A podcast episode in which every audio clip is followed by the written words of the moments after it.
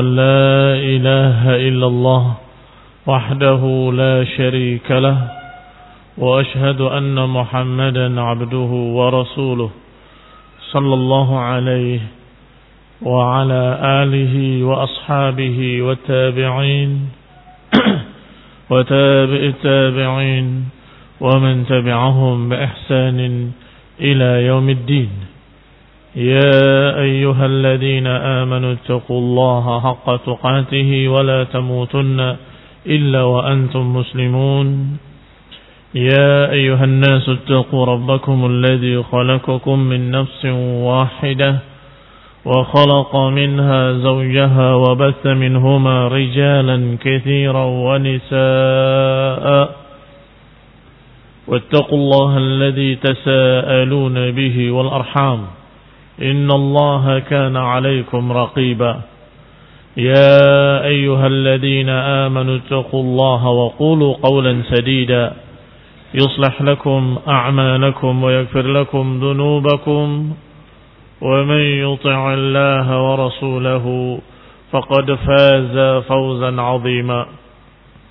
أما بعد فإن خير الحديث كتاب الله.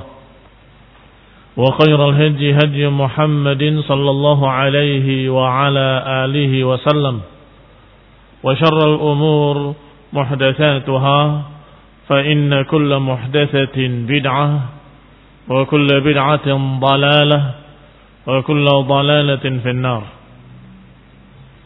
إخواني في الدين أعزكم الله كمسلمين saya hormati Kita masuk pada pembahasan berikutnya. Dari kitab Al-Aqidah At-Tahawiyah dengan syarahnya oleh Ibn Abdul Aziz Al-Hanafi rahimahullah sampai pada ucapan muallif wa huwa Abu Ja'far At-Tahawi wa la nukaffir ahadan min ahli al-qiblah bidanbin ma lam yastahilhu wa la naqulu la yadur ma'al imani danbun liman amilahu Kata Musannif rahimahullah dan kami siapa yang dimaksud dengan kami? Naam ahli sunnah. Ahli sunnah wal jamaah. Karena di awalnya beliau menyatakan bahwa kami ahli sunnah. Menyatakan demikian, demikian, demikian. Maka domirnya nun yang menunjukkan nahnu, kami. Maknanya adalah kami ahli sunnah. Tidak mengkafir-kafirkan seorang pun. Dari ahlul qiblah dengan dosa-dosa malam yastahilhu selama dia tidak menghalalkannya wala naqulu la yadurru ma'al imani danbun dan juga kami ahlu sunnah tidak menyatakan bahwasanya dosa tidak berpengaruh pada iman bagi siapa yang mengamalkannya. Dia tekhonidina azakumullah Bu Ja'far at-Tahawi rahimahullah menyebutkan dua kalimat ini untuk menunjukkan bahwa ahlu sunnah adalah ummatan wasata.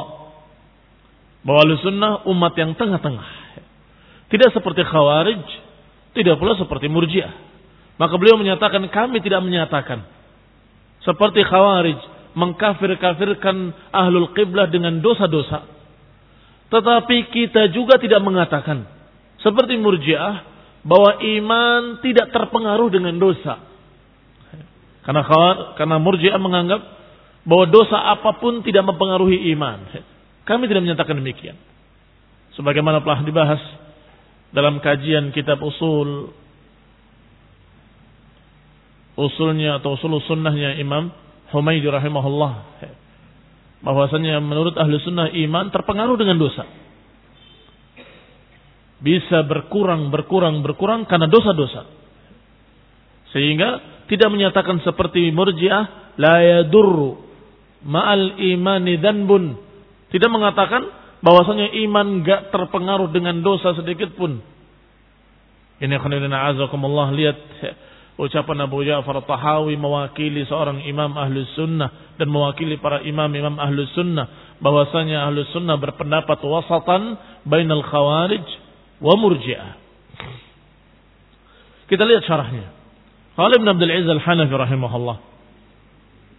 Arada bi ahli al-qiblah الذين تقدم ذكرهم في قوله ونسمي أهل قبلتنا مسلمين مؤمنين ما داموا بما جاء به النبي صلى الله عليه وعلى آله وسلم معترفين وله بكل ما قال وأخبر مصدقين yang dimaksud ahlul qiblah dalam ucapan beliau la nukafir ahadan min ahlil qiblah siapa yang dimaksud ahlul qiblah arada bi ahlil qiblah yang diinginkan dengan ahlul qiblah adalah apa yang sudah lewat pembahasannya. Yaitu ketika beliau berkata, wa nusammi ahli qiblatina dan kami menamakan Alhamdulillah. Kami menamakan ahli qiblatina muslimin mu'minin. Yani ahli qiblah adalah muslimin mu'minin yang masih salat menghadap kiblat kaum muslimin. Madamu selama mereka bima jaa Nabi sallallahu alaihi wasallam mu'tarifin. Selama mereka dengan apa yang dibawa oleh Nabi mengakui. Selama mereka mengakui semua apa yang dibawa oleh Nabi sallallahu alaihi wa ala alihi wasallam. Walau bi kulli ma qala wa akhbara musaddiqin. Dan selama mereka dengan apa yang diucapkan oleh Nabi dan diberitakan oleh Nabi musaddiqin percaya. Jadi siapa yang percaya dengan apa yang dibawa oleh Nabi, siapa yang mengakui semua apa yang dibawa oleh Rasul sallallahu alaihi wa ala alihi wasallam, maka mereka ahlul qiblah. maka kita tidak mengkafirkan ahlul qiblah dengan dosa-dosa selama mereka masih mengakui kerasulan dan masih mengakui apa yang dibawa oleh Rasul sallallahu alaihi wa ala alihi wasallam. Yushiru Syekh rahimahullah bihadzal kalam ila raddi alal khawarij al-qailina bitakfiri bikulli dhanbin.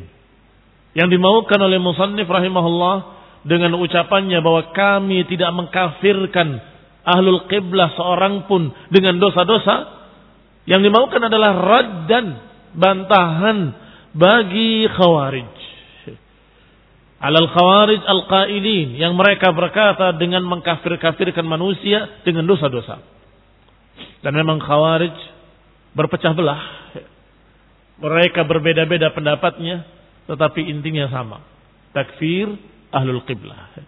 Sebagian mereka berpendapat bahwa yang dikafirkan adalah orang yang berbuat dosa besar saja. Kalau dosa kecil tidak kafir. Kalau dosa besar kafir. Ada yang menyatakan bahwa dosa kecil pun mengkafirkan. Berarti berbuat dosa besar ataupun dosa kecil, kafir. Ini juga pendapat mereka. Ulama fi mas'alatin. Tidak berselisih ucapan para ulama fi mas'alah bimada tukaffirul khawarij alal qiblah. Mereka tidak sepakat tentang khawarij dengan apa mereka mengkafirkan kaum muslimin? Apa, apakah dengan dosa-dosa kecil? Atau dengan dosa-dosa besar? Atau dengan kedua-duanya? Berkata Abu Ubaid fi kitab iman dalam ta'liqnya atau dalam tahqiq oleh Syekh Yasin hafizahullah dikatakan oleh Abu Ubaid dalam kitabnya Al-Iman fakaffaru an-nasa bi sighari dzunub wa kibariha mereka Khawarij mengkafir-kafirkan kaum muslimin dengan dosa kecil maupun dengan dosa besar. Berarti dua-duanya. Sedangkan Ibnu Hazm dalam kitabnya Al-Fasal wa minhum man qala bi anna kulla dhanbin saghira aw kabir saghirin aw kabir fahuwa mukhrijun 'anil iman wal Islam. Dan mereka di antara Khawarij berkata, bahwasanya setiap dosa yang kecil maupun yang besar adalah mengeluarkan seseorang dari keimanan dan keislaman. Fa'in mata alaih kalau dia mati di atas dosa itu fahuwa ghairu muslim maka dia bukan muslim. Bukan muslim alias kafir. Demikian kata Khawarij. Mukhalladun finnar kekal dalam neraka. Wahada maqalatul khawarij wal mu'tazilah. Dan ini pendapatnya khawarij dan sekaligus pendapatnya mu'tazilah. Hanya perbedaannya Kalau Khawarij menyatakan mereka kafir, kalau Mu'tazilah menyatakan bukan muslim, tapi tidak kafir. Bukan mukmin, tapi tidak kafir. Di sinilah keanehan Mu'tazilah. Mereka beranggapan adanya manzilatun baina manzilatain. Adanya satu kedudukan yang berada di antara dua kedudukan. Bukan mukmin, juga bukan kafir. Yaitu ada manzilah baina manzilatain. Ada kedudukan di antara keduanya, yaitu kedudukan seorang yang bakal kekal nanti dalam neraka di akhiratnya. Berarti di dunia dikatakan bahwa dia tidak muslim, tidak mukmin, tapi juga bukan kafir. Tapi di akhirat Menurut mereka sama seperti menurut Khawarij. Kekal dalam neraka selama-lamanya. Wa'alam kata Asy-Syarih Ibn Abdul Aziz Al-Hanafi. Wa'alam rahimakallah wa iyana anna bab at-takfir wa adam at-takfir babun 'azumat al-fitnah wal mihna fi. Ketahuilah bahwa bab dalam masalah kafir mengkafirkan apakah kafir atau tidak kafir, ini adalah babun azumat fi al-fitnah. Bab yang di sana fitnahnya sangat besar dan di sana mihnahnya juga sangat besar. Permasalahan, pertikaian, fitnah dalam masalah takfir sangat besar. Sehingga harus ekstra hati-hati dan harus teliti mengkaji akwal ulama dalam menafsirkan ayat dan hadis yang terkesan mengkafirkan seseorang dengan dosa. Kalau kita mendengarkan ucapan khawarij dalam keadaan ilmu kita pas-pasan, termakan kita. Yakin kita akan terbawa. Kenapa? Karena ayat-ayatnya dan hadis-hadisnya seakan-akan mendukung mereka. Seperti ayat Allah Subhanahu wa taala yang menyatakan wa may ya'sillaha wa rasulahu fa inna lahu nar jahannam khalidan fiha. Siapa yang bermaksiat kepada Allah, maka baginya neraka jahanam kekal di dalamnya selama-lamanya. Bagaimana? Wa man ya'sillah dalam surat Al-Jin. Wa ya'sillah wa rasulahu. Siapa yang bermaksiat pada Allah dan Rasulnya, maka tempatnya adalah nar jahannam. Khalidan fiha. Kekal dalamnya selama-lamanya. Bermaksiat, jahanam, kekal. Demikian pula man qatala mu'minan muta'ammidan fajazauhu jahannam. Juga sama khalidan fiha. Sekian banyak hadis-hadis yang menyatakan siapa yang berbuat begini fahuwa maka dikatakan laisa bimumin. Maka dia bukan mukmin. Ketika dia mencuri, maka dia bukan mukmin. Ketika dia berbuat begini, maka dia bukan mukmin. Apalagi juga kalimat yang dikatakan dalam riwayat yang juga sahih sibabul muslim fisqun wa qitaluhu kufrun. Mencerca seorang mukmin adalah kefasikan dan memerangi mereka kufrun kekafiran. Maka dengan ini mereka menganggap para sahabat sebuah kafir. Kenapa? Karena saling berperang memerangi orang beriman. Maka mereka kafir. Qul Padahal kalau kita memakai atau membawa ayat-ayat tadi dengan pemahaman salafus saleh, para ulama dari kalangan sahabat dan tabi'in dan tabi'it tabi'in. Ucapan Ibnu Abbas dan para ahli tafsir yang menyatakan kufrun duna kufrin, wa fisqun duna fisqin dan seterusnya, insyaallah mereka akan paham. Maka benar kata musannif atau kata syarih Ibnu Abdul Aziz Al-Hanafi. Bab masalah kafir mengkafirkan Bab masalah takfir, babun azumat fihi fitnah, bab yang fitnahnya sangat besar. Azumat fihi mihnah, yang ujiannya sangat berat. Wa kathura fihi iftiraq dan sangat banyak perpecahan-perpecahan di dalamnya. Wa tashattatat fihi al-ahwa wal ara dan tercerai-berai di dalamnya hawa nafsu hawa nafsu pendapat-pendapat wa ta'aradat fihi dalailuhum dan saling bertentangan dalil-dalil mereka. Saling bertentangan. Dalil yang satu dengan yang lain. Fannasu fihi fi jins takfiri ahli al-maqalati wal aqaid al-fasidah. Maka manusia dalam menghadapi dosa-dosa Apakah mengkafirkan atau tidak mengkafirkan? Itu seperti para ulama membahas kafirkah ahlul maqalat. Kafirkah orang-orang yang mengadakan pendapat-pendapat baru, keyakinan yang baru, keyakinan yang bid'ah, khurafat, atau akidah-akidah yang fasidah. Ini juga sama. Para ulama berselisih. Kenapa? Karena ucapan mereka kufur. Menyatakan Quran adalah makhluk, bukan kalam Allah. Kufur. Menolak sifat. Kufur. Perbuatannya yang kufur. Tapi ketika apakah mereka kafir atau tidak kafir, ikhtalaf ulama. Ketika kafir atau tidak kafir, terjadi pertikaian para ulama. Sehingga mereka menyatakan ini ucapan-ucapan kafir maka pelakunya kafir. Yang lain menyatakan tidak. Karena mereka menyatakan dengan pendapat seperti itu muawwilan atau mutaawwilan dengan takwil-takwil. Sedangkan mereka masih berpegang dengan ayat tadi.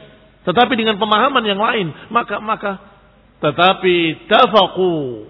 Tapi mereka sepakat bahwa golongan tadi adalah golongan ahlul ahwa, ahlul bid'ah yang sesat, menyimpang dan seterusnya. muslim yang saya hormati.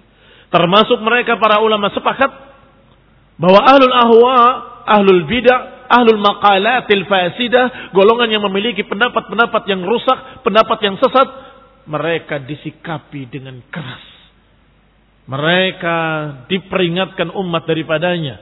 Mereka ditahdir mereka dijauhi, mereka diboykot itu sepakat. Tapi ketika menyatakan kafir atau tidak kafir, ikhtalaf ulama. Ini para ulama. Tetapi manusia, orang-orang yang sekian banyak mereka, sebagian besarnya awam, orang-orang bodoh, ikhtalafa, atau ikhtalafu, mereka berselisih ketika berbicara tentang orang yang berbuat dosa besar.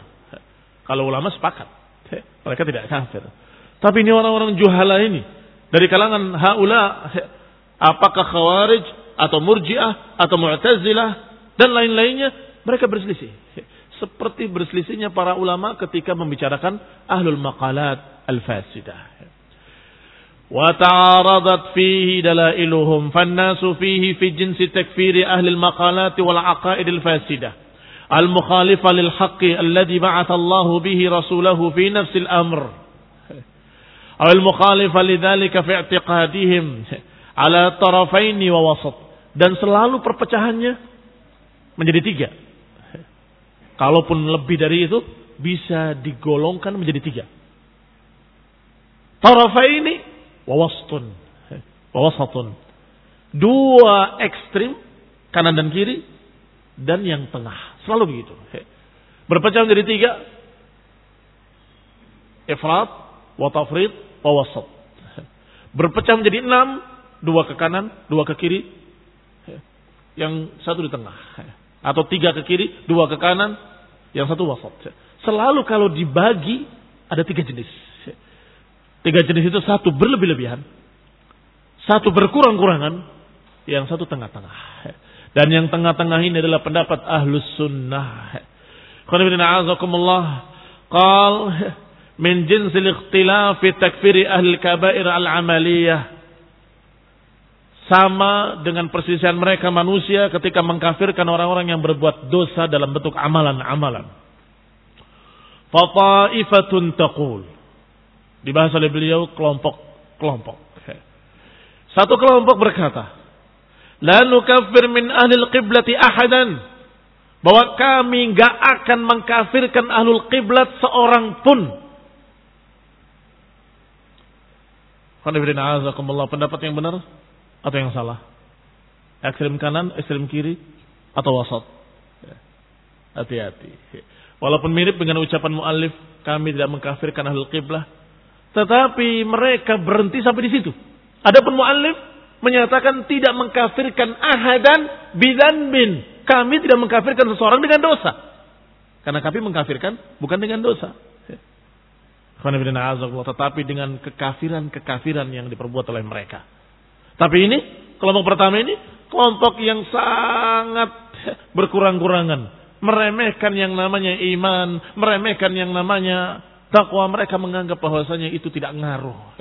Pokoknya selama di alul qiblah, tidak bisa kafir. Dengan perbuatan apa pun.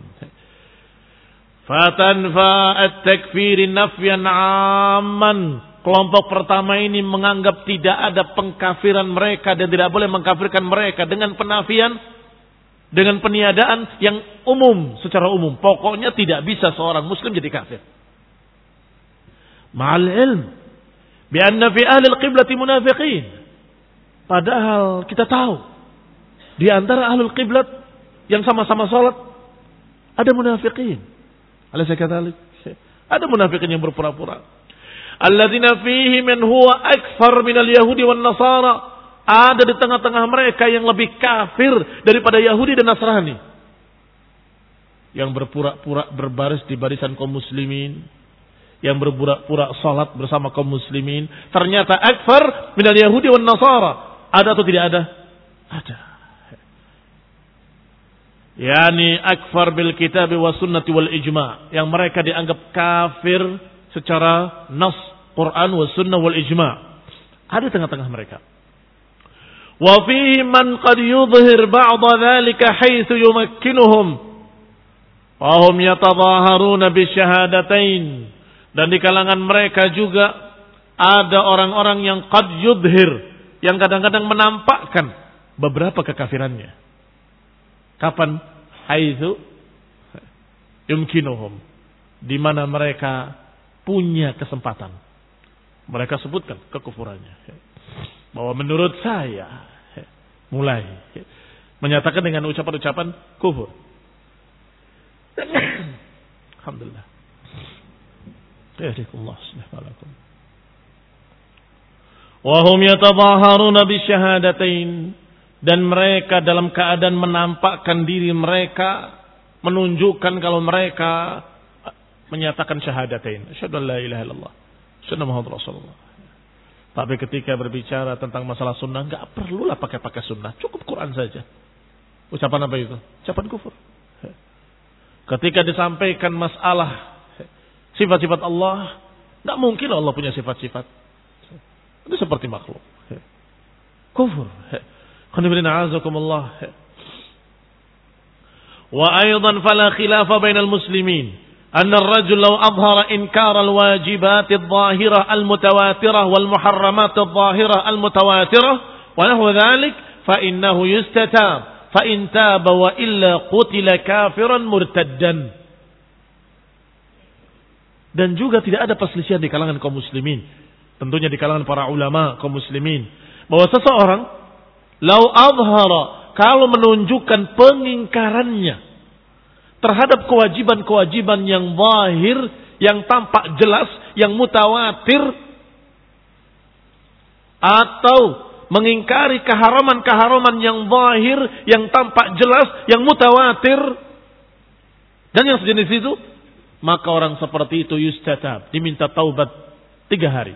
Kalau dia mau taubat alhamdulillah, kalau tidak mau taubat maka duribat unuquh, dipenggal lehernya sebagai seorang kafiran murtaddan, sebagai seorang yang kafir murtad. Apa contohnya? Kewajiban-kewajiban yang zahir, yang mutawatir. Salat misalnya, lima waktu. Menurut saya, salat lima waktu nggak harus, nggak wajib. Apa hukumnya? Istata. Kamu cabut ucapanmu. Taubat pada Allah Subhanahu wa taala. Tub ila Allah. Enggak mau. Bosoknya ditanya lagi. Mau tobat lagi? Cepat. Ini waktu kamu tinggal satu hari lagi. Enggak mau tobat hari ketiga ditawari lagi. Taubat kamu. Cabut ucapan kamu kemarin. Enggak. Saya tetap menyatakan bahwa sholat lima waktu tidak harus. Tidak wajib. Maka diseret kepada Al-Gojo dipenggal lehernya sebagai seorang kafir murtad. Itu la khilafah. Enggak ada perselisihan di kalangan para ulama qatibatan. Di seluruh ulama jami'an, seluruhnya sepakat mereka bahwasanya orang yang menentang kewajiban yang mutawatir juhudan duribat unuquhu setelah di, diberi waktu tiga hari untuk taubat. Demikian pula sebaliknya mengingkari keharaman-keharaman yang zahirah, yang mutawatirah, yang tampak jelas haramnya dan mutawatir haramnya. Seperti khamr, Zina. Itu sudah ma'ruf, sudah mutawatir. Tentang haramnya. Tiba-tiba ada seorang dengan kelompoknya, dengan alirannya. Bahwa kami berpendapat bahwa khamr tidak haram. Dan kami menyatakan bahwa zina tidak haram. Apa hukumnya orang seperti ini? Istatabu thalathata ayyam wa intab wa illa duribat unuquhu murtaddan kafiran Diminta waktu tiga hari. Diminta taubat tiga hari. Kalau tidak mau taubat di waktu tiga hari tersebut, maka dia dipenggal lehernya sebagai seorang kafir murtad. Taib.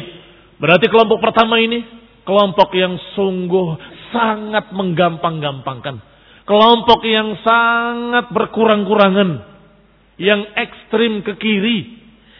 Menyimpang menyatakan bahwa pokoknya orang yang muslim tidak bisa dikafirkan. Ahlul qiblah tidak bisa dikafirkan. Padahal di antara mereka ada munafikin, ada yang menentang kewajiban salat, ada yang menentang ini menentang itu padahal perkaranya perkara yang zahirah mutawatirah. Baik. Kembali kepada kitab.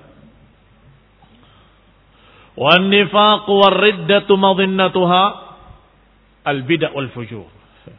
Sedangkan kemunafikan tadi dan juga kemurtadan tadi dengan menolak juhudan terhadap hukum-hukum Allah ini madhinnatuha al-bid'ah sumbernya adalah kebid'ahan kalau seorang sudah masuk pada kebid'ahan-kebid'ahan ujung-ujungnya dia akan menentang hukum Allah atau akan kufur dengan menentang ayat dan hadis. Madhinnatuhal bid'ah wal fujur. Sumbernya adalah kebidahan-kebidahan dan fujur. Orang yang memang hatinya jelek, yang lebih senang dengan berbagai macam kepuasan hawa nafsu. Kama dzakarahu Al-Khallal. Sebagaimana disebutkan oleh Al-Khallal dalam Al-Kitab atau dalam kitab beliau yang dijuluki dengan nama kitab As-Sunnah. Dengan sanadnya beliau menukil yang bersambung sampai kepada Muhammad ibn Sirin. Anahu qal bahwasanya Muhammad ibn Sirin menyatakan, "Inna asra'an nas riddatan ahlul ahwa." Sesungguhnya orang yang paling cepat murtadnya adalah ahlul ahwa. Orang yang paling cepat murtad adalah golongan yang lebih mengutamakan hawa nafsunya. Wa kana yara hadil ayah nazalat fihim dan bahwasanya Muhammad bin Sirin rahimahullah berpendapat bahwa ayat ini turun pada mereka, pada ahlul ahwa. Ayat mana itu? Dibacakan oleh beliau. Yaitu ayat Allah Subhanahu wa taala wa idza ra'aital ladina yakhuduna fi ayatina fa'arud anhum hatta yakhudu fi hadithin ghairih. Itu ayat Allah Subhanahu wa taala yang menyatakan wa idza ra'aita kalau engkau melihat alladzina yakhuduna fi ayatina orang-orang yang masuk tanpa ilmu, berbicara tanpa ilmu tentang ayat-ayat kami, maka berpalinglah dari mereka hingga mereka berbicara yang lain, hingga mereka berubah. Walihadam walihadam tana'a katsirun min a'immah an itlaqil qaul bi anna bi anna la nukaffir ahadan bi dhanbin bal yuqal na nukaffiruhum bi kulli dhanbin kama taf'aluhu al khawarij. Oleh karena itu imtana katsirun min al ulama min al a'immah sekian banyak para imam imam menghalangi dirinya untuk mengatakan kalimat yang mudah atau yang bisa ditarik kepada makna yang salah. Tidak berkata, La nukafir ahadan bidanbin. Nggak begitu kalimatnya. Tetapi kalimatnya, La nukafir ahadan bikulli dhanbin. Walaupun maksudnya sama. Tapi yang pertama, bisa disalahpahami. Tapi yang kedua, tidak bisa. Bedakan antara keduanya. Yang pertama kalimat, La nukafir ahadan bin. Kami nggak akan mengkafirkan kaum muslimin dengan dosa-dosa. Baik, sekarang saya tanya. Dosa itu ada berapa macam? Ya. Dosa kecil, dosa besar. Taib menolak hukum-hukum Allah juhudan seperti tadi. Dosa atau bukan dosa? Dosa. Ucapan kufur dosa atau tidak dosa? Dosa. Kekafiran dosa atau tidak dosa? Dosa. Bahaya. Ya. Kalau kami tidak mengkafirkan kaum muslimin dengan dosa, sebentar. Ada orang yang kafir dengan dosa, yaitu dosa yang sudah mencapai kekafiran. Berarti kalimat tadi bisa ditafsirkan dengan salah. Maka sebagian besar para ulama intana'a menghalangi diri untuk mengucapkan kalimat seperti itu. Tapi ditambah dengan kalimat kulli bin. Kami tidak mengkafirkan kaum muslimin dengan segala macam dosa-dosa. Tetapi dengan dosa-dosa tertentu. Mafhum? Ya. Ini kehati-hatian para ulama. Kehati-hatian para ulama imtana'a kathirun minal a'immah an itlaqil qawli bi anna la nukafir ahadan bidanbin. Mereka menghindari kalimat itu. Dan yuqal dan mereka akan dikatakan atau akan mengatakan dengan kalimat la nukafiruhum bikulli dhanbin. Kita tidak mengkafirkan kaum muslimin dengan segala macam dosa. Nah, ini lebih tepat kalimatnya. Lebih selamat. Enggak mengkafirkan dengan segala macam dosa. Karena yang menjadikan mereka kafir tidak seluruh dosa hanya dosa-dosa tertentu. Yani tidak kama taf'aluhul khawarij. Tidak seperti apa yang dilakukan oleh khawarij. Pokoknya setiap dosa, besar ataupun kecil, dikatakan sebagai kafir. Ini khawarij. Adapun ahlu sunnah tidak mengkafirkan kaum muslimin dengan segala macam dosa. Maknanya hanya pada dosa-dosa tertentu. Wa farriq bainan nafyil 'am wa nafyil umum. Maka bedakan penafian yang sifatnya am dan menafikan keumuman. Subhanallah ya. Bahasanya perlu diteliti, bahasanya perlu diperhatikan dengan jeli. Kami tidak menafikan secara am tetapi menafikan keumuman. Ya, ini tidak menyatakan pokoknya kami tidak mengkafirkan dengan dosa-dosa. Apa ini? Penafian am.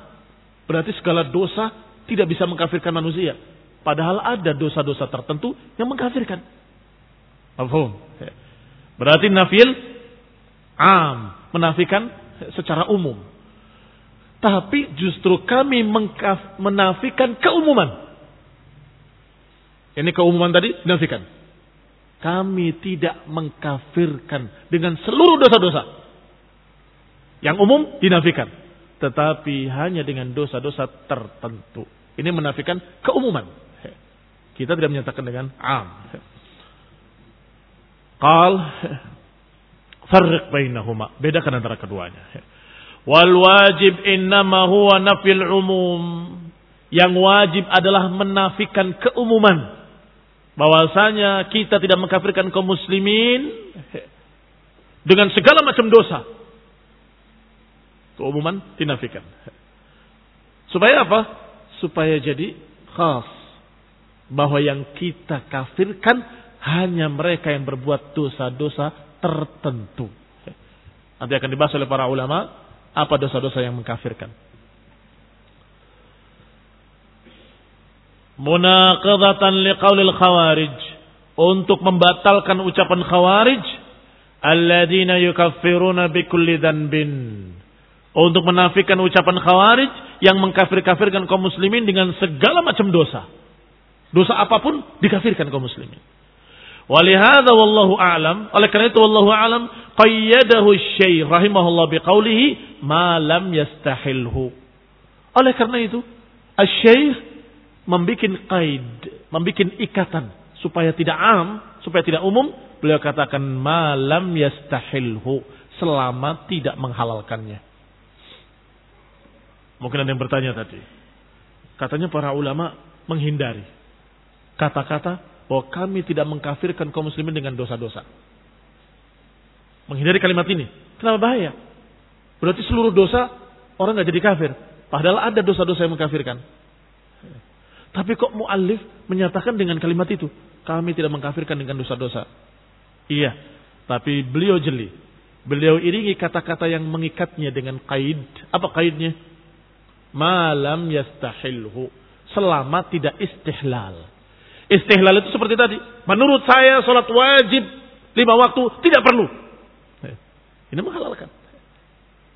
Atau dengan kalimat, menurut saya puasa Ramadan tidak harus. Ini istihlal. Atau menyatakan saya berpendapat tidak perlu mengikuti sunnah-sunnah Nabi. Semuanya. Maka ini beda. Ini dosa. Tetapi ini mengkafirkan. Berarti kami tidak mengkafirkan dengan dosa-dosa. Kecuali kalau dia istihlal. Menganggap halal. Kembali kepada kitab.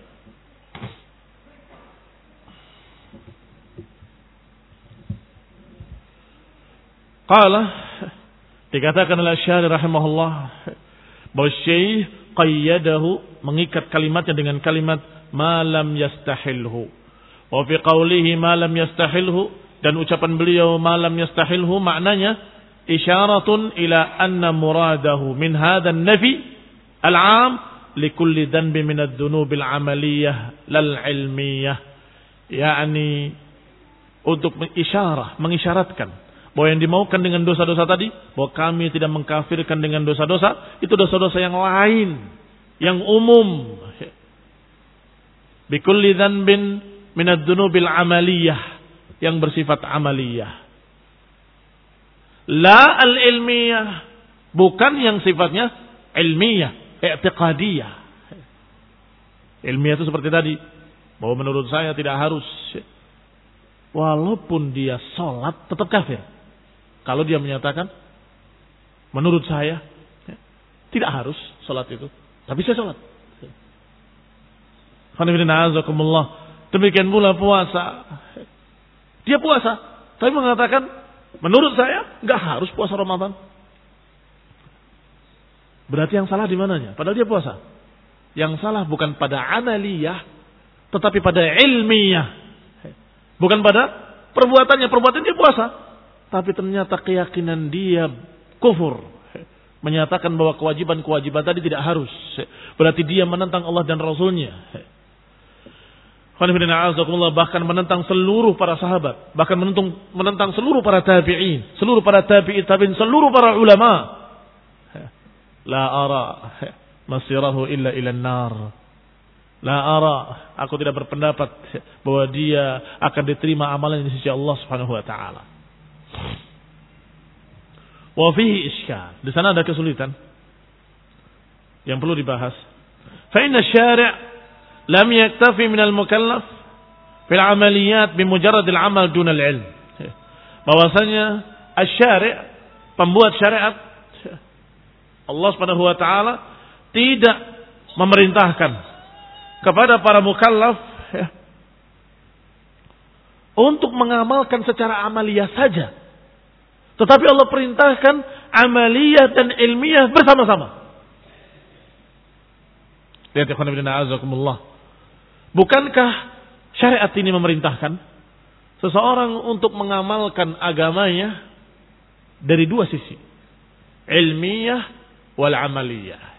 Harus meyakini secara ilmu bahwa itu adalah hak. Kemudian kerjakan. Ini amaliyah, yang ini ilmiah. Harus meyakini bahwa itu wajib dan kerjakanlah.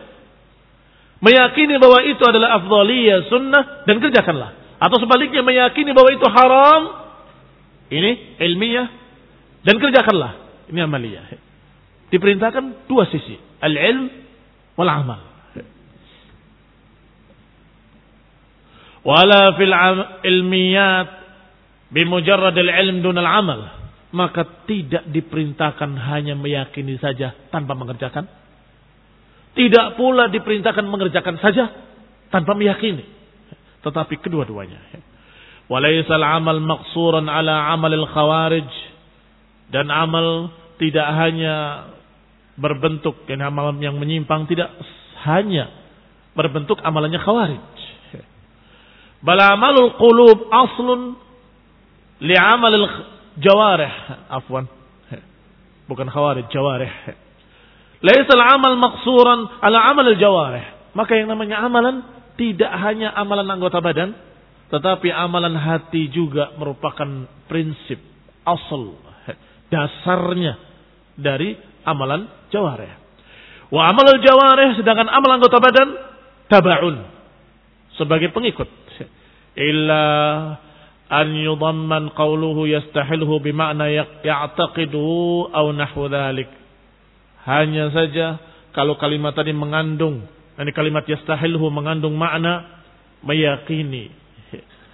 Qanibidina azakumullah, kaum muslimin hormati. Di sini ada permasalahan. Kalau seorang diperintahkan mengerjakan dua-duanya. Secara ilmiah dan secara amaliyah. Secara ilmiah harus meyakini kalau itu wajib, itu adalah haram. Secara amaliyah harus mengerjakannya. Sekarang kita tanya. Kalau mengerjakan amaliyah saja tanpa i'tiqad, apa hukumnya? Atau dibalik, i'tiqad saja tanpa amaliyah, apa hukumnya? Kata mereka, iskalnya, kebingungannya, kenapa nggak sama hukumnya? Harusnya kan sama. Ngerjakan yang ini tanpa yang itu. Dengan ngerjakan yang itu tanpa yang ini. Harusnya sama. Tapi sekarang saya tanya. Menurut pembahasan tadi. Orang yang mengerjakan kewajiban-kewajiban. Tapi tidak meyakini kalau itu wajib. Apa hukumnya? Menurut pembahasan yang tadi. Apa hukumnya? Kufur. Menentang. Sekarang dibalik. Dia meyakini bahwa itu wajib. Tapi dia tidak mengerjakan. Apa hukumnya? dosa. Iya kan? Kenapa nggak sama-sama kafir? Padahal diperintahkan dua-duanya. Kalau dikerjakan salah satunya, maka milisi perintah Allah. Amaliyah dan ilmiah. Ternyata kalau amaliyahnya dikerjakan, ilmiahnya tidak, itu perbuatan kufur.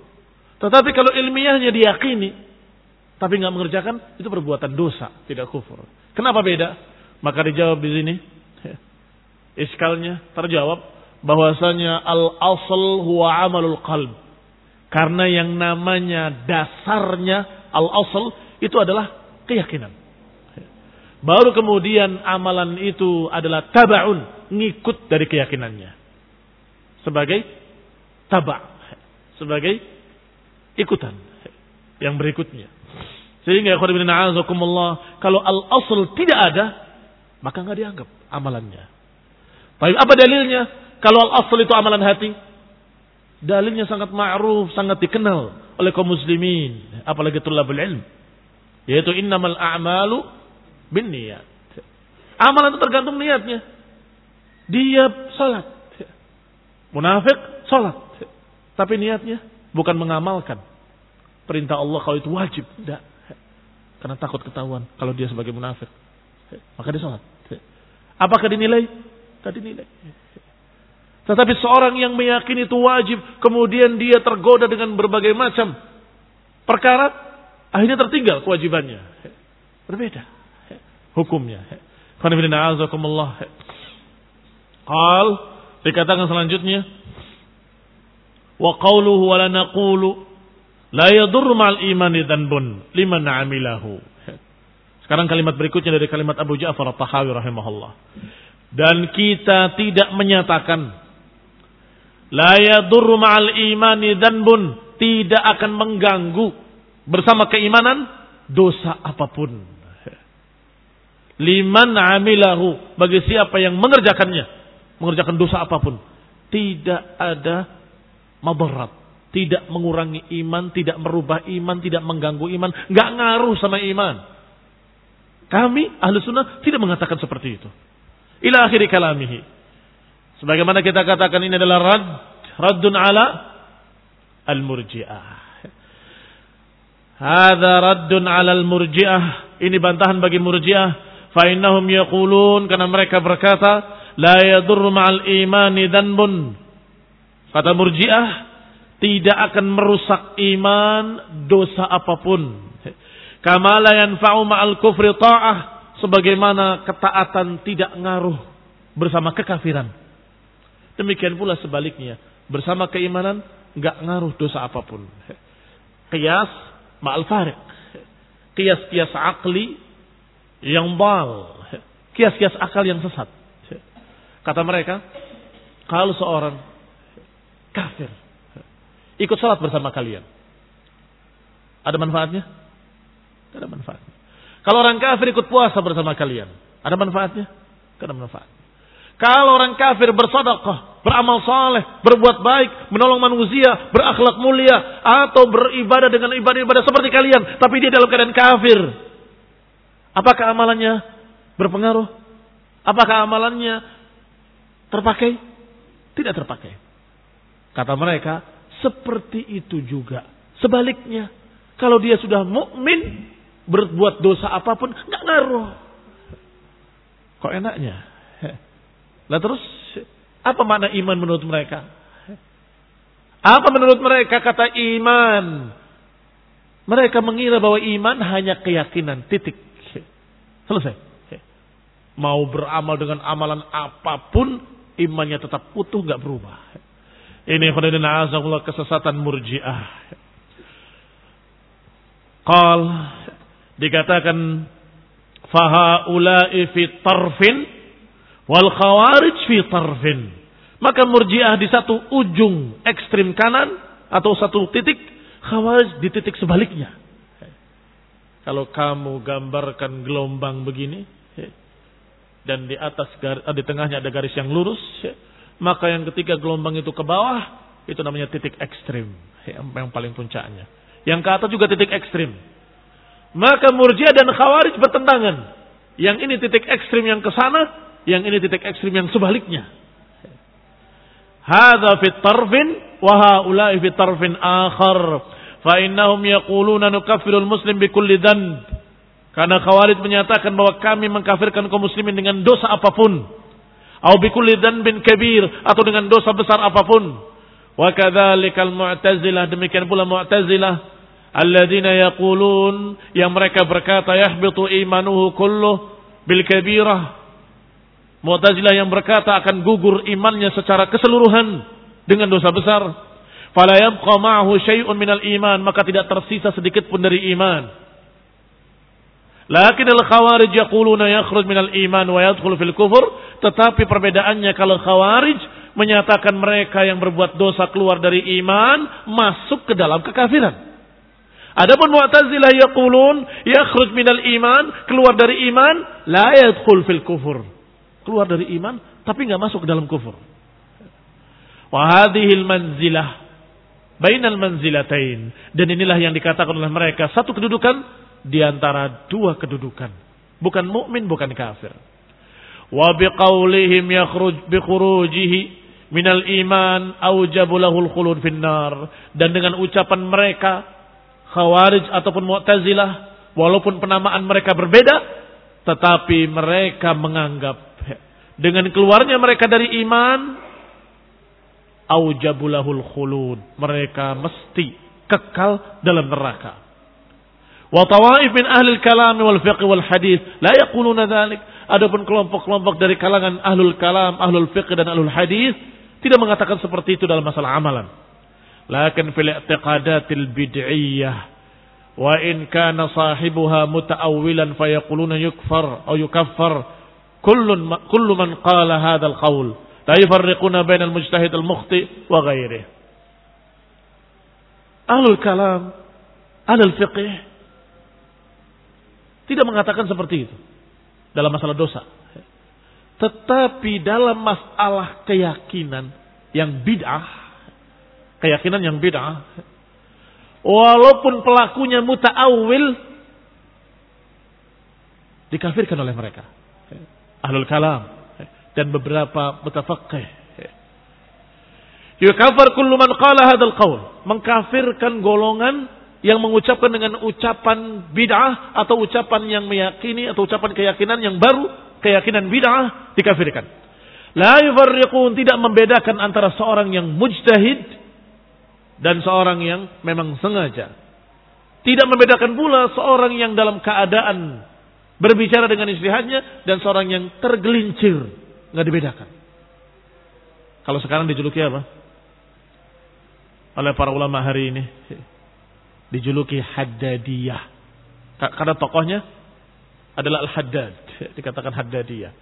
Sehingga tidak peduli apakah itu adalah seorang tokoh ahli sunnah seperti Imam Abu Ja'far Tahawi yang sedang kita bahas kitabnya. Ketika menyatakan bahwa Allah Subhanahu wa taala qadimun. Qadim bukan sifat Allah. Sifat Allah wal awwal wal akhir wal zahir. Pada ada pun para ulama yang lain menyatakan ini ketergelinciran beliau. Yang dia beliau maksud adalah al awal, tetapi beliau memakai istilah yang keliru, istilah qadim. Dan itu tidak menjadikan beliau kafir, bahkan tidak dikatakan sebagai ahlul bidah. Tetapi mereka haddadiyun menganggap bahwa ini adalah mubtadi' dal. Abu Ja'far Tahawi mubtadi' dal. Syekhul Islam Ibnu Taimiyah mubtadi' dal. Ibnu Hajar mubtadi' dal. Padahal Ibnu Hajar sama. Tergelincir juga dalam masalah perkara-perkara yang menakwilkan sifat yang seperti Asy'ariyah. Walaupun tidak seluruhnya. Ini bahayanya Al-Haddadiyah. Kata beliau, dalam masalah mengkafirkan dengan dosa-dosa besar, tidak. Tetapi dalam perkara-perkara yang seperti itu, mereka tidak membedakan. Antara yang muta'awil dengan seorang yang memang menentang. Fayaqulun, mereka berkata, yukaffar kullu man qala hadal qawl. Dikafirkan semua yang berpendapat dengan pendapat bid'ah itu. La yufarriquna bainal mujtahid al-mukhti wa ghairi. Tidak dibedakan antara seorang mujtahid yang keliru dan yang lainnya. Aw yaqulun atau mereka berkata yukaffar kullu mubtadi'in dikafirkan semua ahlul bid'ah. Wa haula yadkhul alaihim fi hadhihi al-itsbat al-'am umurun 'azimah. Maka mereka pun masuk dengan penetapan mereka seperti itu ke dalam perkara-perkara yang sangat besar, perkara yang berbahaya. Fa inna nususul mutawatirah qad dallat ala annahu yakhruj minan nari man qala fi qalbihi mithqala dzarratin minal iman. Karena nas-nas yang mutawatir menunjukkan bahwa mereka semuanya akan keluar dari api neraka selama di hatinya ada sebiji darah dari keimanan. Wa nususul wa'd allati yahtaj biha haula'i ta'arad an-nusus atau ta'arid nusus al-wa'id. Dan dalil-dalil yang merupakan janji-janji yang dijadikan oleh mereka sebagai hujjah-hujjah menentang atau bertentangan dengan nas-nas yang merupakan ancaman-ancaman allati yahtaju biha ulaik yang dipakai hujjah oleh mereka. Mereka yang pertama Murji'ah, mereka yang kedua Khawarij. Kita akan bahas nanti insya Allah pada kajian mendatang bismillah taala bahwa kedua kelompok sesat tadi sangat berlawanan 180 derajat, yang satu ekstrim ke kanan, yang satu ekstrim ke kiri, dan dalil-dalil masing-masingnya juga bertentangan. Khawarij selalu memakai ayat-ayat dan hadis-hadis yang berupa ancaman-ancaman ancaman. Adapun Murji'ah memakai ayat-ayat dan hadis-hadis yang bersifat janji-janji janji. Dan tidak mungkin ayat Allah bertentangan satu sama lain. Gak mungkin bertentangan hadis dengan hadis yang sahih. Ini yang hadis sahih dengan hadis sahih. Sehingga para ulama ahlus sunnah mereka mengakurkan antara dua dalil-dalil tadi. Sehingga ahli sunnah adalah ummatan wasata yang memakai dalil wa'id dan dalil wa'ad sekaligus. Barakallahu fikum. InsyaAllah kita akan kaji lebih rinci lagi bismillah pada kajian mendatang. Assalamualaikum taufik wal afiyah wal hidayah. Subhanakallahumma bihamdik. Asyhadu an la ilaha illa anta astaghfiruka wa atubu ilaik. Wassalamualaikum warahmatullahi wabarakatuh.